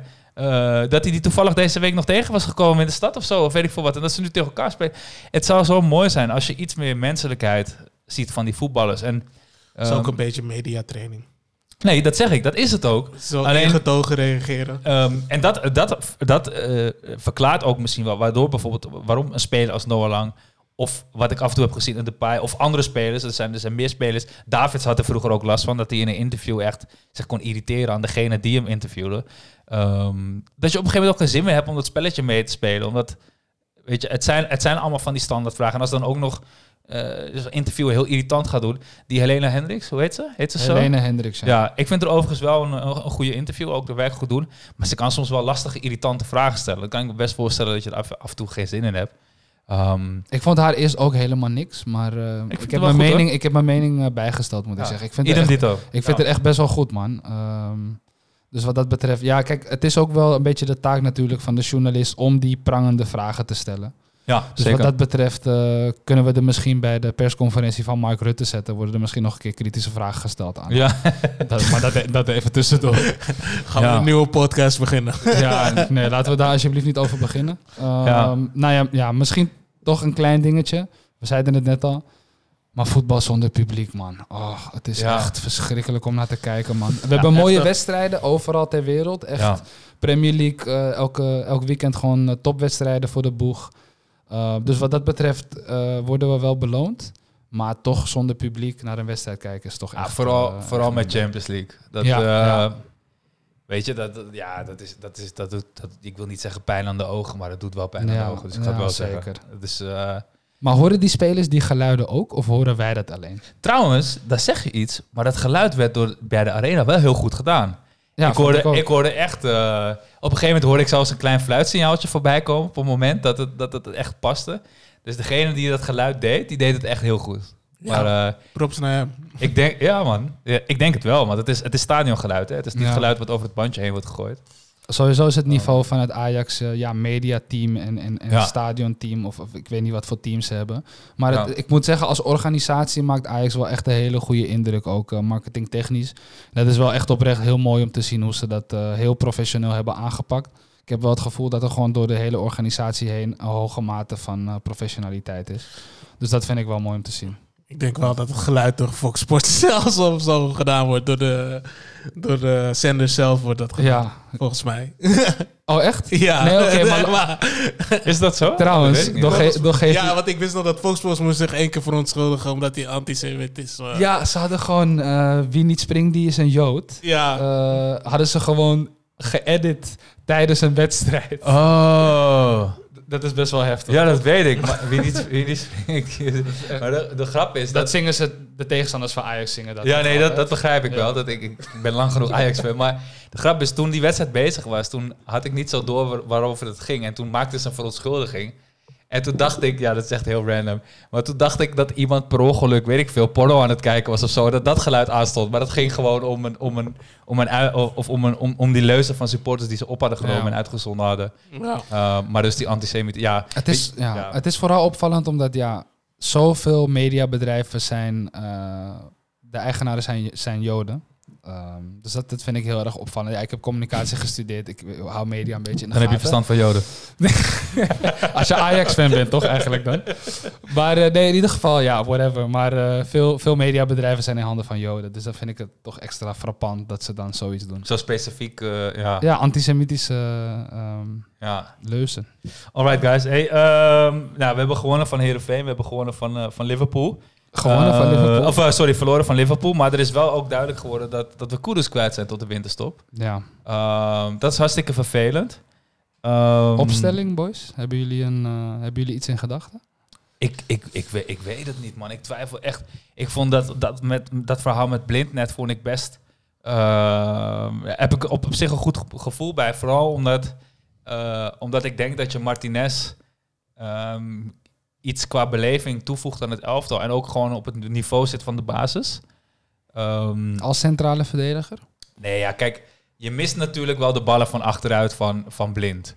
Uh, laat dat duidelijk zijn. Aan de andere kant, uh, als de balans met een Klaassen en een, en een Gravenberg en een Blind dusdanig is dat je, nou ja, dat je, dat je goed voetbal krijgt op het middenveld, um, dan kan je misschien een beetje water bij de wijn doen achterin en dan toch een Martinez opstellen ten behoeve van een beter functionerend middenveld. Dus um, ik vind het moeilijk om daar iets heel uh, definitiefs over te zeggen nu. Ja. Uh, aan de andere kant, uh, ja, je zou het ook kunnen proberen met, uh, met een Ekkelenkamp of toch tijdelijk Promes. Ja, ik zie niet in wie de andere tien zou moeten zijn. Los van Ekkelenkamp of Promes. Ja, ik, ik zou Anthony wel een keertje daar willen proberen. Maar dat okay. is... Neres. Ja, of Neres. Ja, ik vind Neres... Ik vond dat hij wel met paadjes had te strooien gisteren. Ja, je kan Neres een beetje laten zwerven, want dat deed hij gisteren ook. En maar dat deed hij niet zo goed. Moeten we niet gewoon lekker Tadic op 10 zetten en dan die Braziliaan op de vleugel? En dan trouwens in de spits. Tadic moet gewoon überhaupt op de bank, maar hij moet gewoon in de spits gewoon. En Labiat op 10, kan dat? Labiat op 10 zou ik nog wel willen proberen. Ik vond dat hij best wel een goede voorbereiding heeft gedraaid. Los Ja. van zijn vrije trappen. En dan kan hij die afstandsschoten Voor, ook... voor eh, eredivisieniveau moet het gewoon kunnen. Ja, ik Ja. denk dat je in de Eredivisie... eh, en daarom is het jammer dat Noah weg is nogmaals. eh, gewoon een beetje een B-elftal op, opstellen. Je speelt woensdag tegen Liverpool. Je speelt dinsdag tegen ja, Atalanta. en groeleren. Zet Ja. zaterdag gewoon Kleiber erin. Eh, wie hebben we nog meer op de bank zitten de hele tijd? Zet gewoon Ekkelenkamp erin. Zet Promes erin, die speelde ook niet. Ehm, ja, Labiat, Ja. Traoré of Huntelaar. Huntelaar gaat misschien spelen tegen VVV, denk ik. ja. Iets zeg maar dat Huntelaar gaat spelen. Alright. Maar eh, ja, het is gewoon een druk programma. En je kan iedereen gewoon heel goed gebruiken. En ik denk dat ook bijvoorbeeld mannen als Kenneth Taylor... eh, ook gewoon veel minuten gaan maken dit seizoen uiteindelijk hoor. Is denk ik geen slechte zaak. Hey boys, we hebben twee wedstrijden op het programma. Eh, VVV, dus dit weekend. Eh, spelen we thuis of uit? Thuis volgens mij.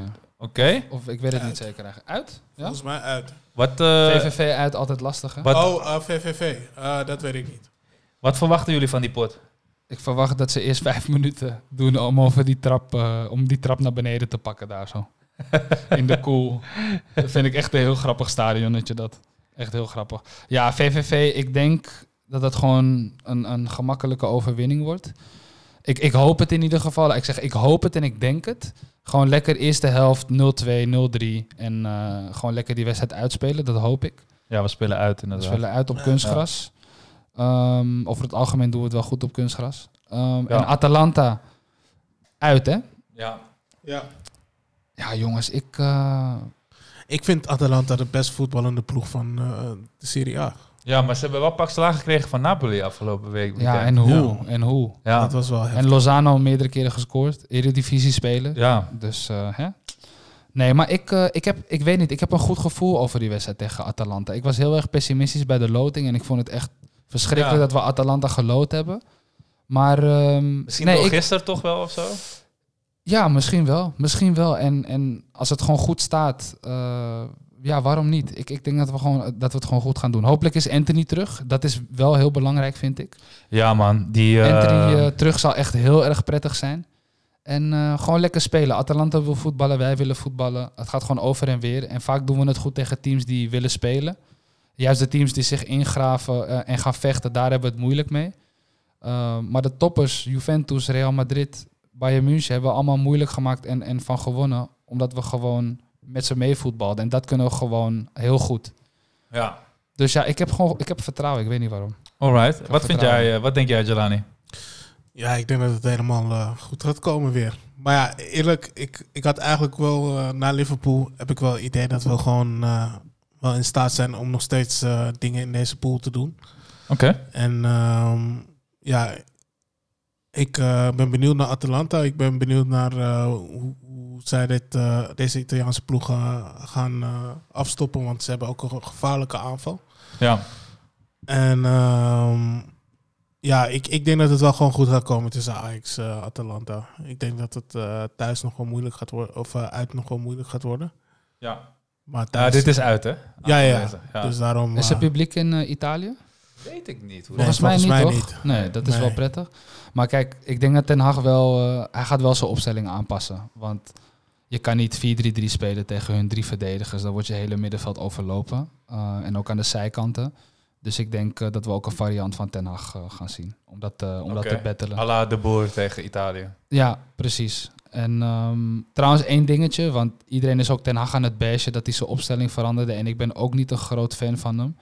Maar, Ro- ook, maar ja. Ronald Koeman eh, deed het ook toen we met Slatan eh, in de Champions Ja. League speelden. Speelden we Ja. ook 4-4-2 met Pinar en Slatan voorin of met Van der Meijden. Ja. Dus mensen moeten niet zo moeilijk doen dat we in Europa een keertje 4-4-2 spelen. Want ik heb echt best wel veel, ook bekende analisten, weer kritiek zien leveren. Omdat Ajax altijd 4-3-3 speelt. Maar ik vind dat gewoon onzin. Nee, Dus- ja, je moet niet 4-3 spelen om het 4-3 spelen, vind ik. Ja, het is gewoon je Ehm, DNA, het is je, identiteit. Je man. moet, je moet voor verzorgd voetbal gaan. En als je af en toe met verzorgd voetbal in een ander systeem denkt te kunnen winnen van de tegenstander, moet je dat vooral lekker doen. Ehm, dus eh, nou ja, dat is hoe ik er naar kijk. Boys, laten we er een eind aan breien. Ehm, het was een wat kortere uitzending dan eh, normaal. Een uitzending die eh, nog wat korter had kunnen zijn als we niet vijf minuten hadden gelachen om de befaamde grap van, van Chief. Ik haal hem nog één keer. Als je zusje een piemel had, had ze je broer kunnen zijn. Dus als, als, als. Maar als je zusje een piemel had, had ze je broer kunnen zijn. We lagen in een deuk. Onze excuses voor die eh, paar minuten oponthoud.